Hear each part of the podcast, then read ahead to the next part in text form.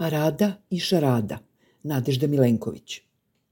Po Beogradu su postavljeni bilbordi koji reklamiraju Europride 22.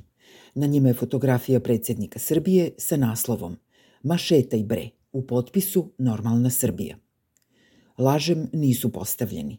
Da jesu, oni pod jedan, ne bi bili vandalizovani kao ovi koje vidimo, jer se za uništavanje slike predsednika hapsi, što znamo od ranije – a da se to ne bi desilo, vandalizovanje, ne hapšenje, ispod svakog bi, isto kao i na izborima, sedeo po jedan plaćeni čuvar bilborda.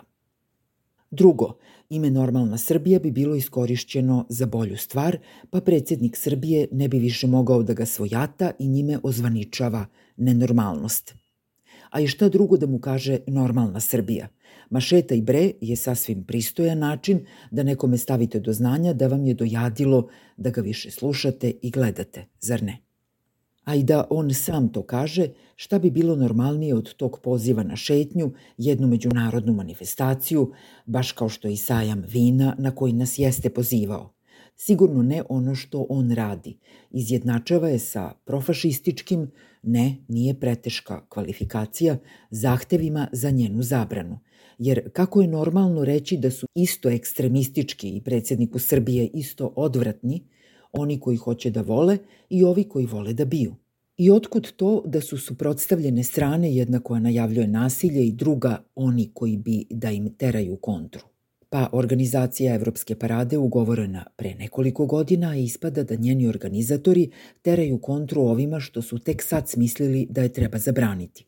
Zar nije obrnuto da ovi koji prave parade srama teraju kontru paradi ponosa?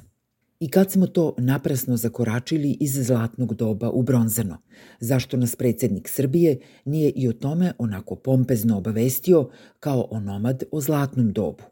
Zar treba posredno da zaključujemo da smo se strmoglavili u divljaštvo i da su istovetni izdajnici države oni koji bi da šetaju pod zastavom duginih boja i ovi koji već šetaju pod zastavom Rusije i nose Putinove slike.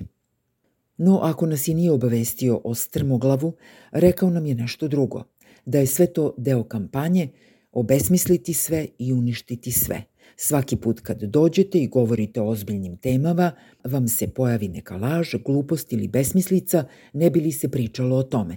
Zašto? Zato što takve laži neistine prolaze. A premijerka nas je lepo uputila da pažljivo slušamo njegove reči, pa ćemo sve znati.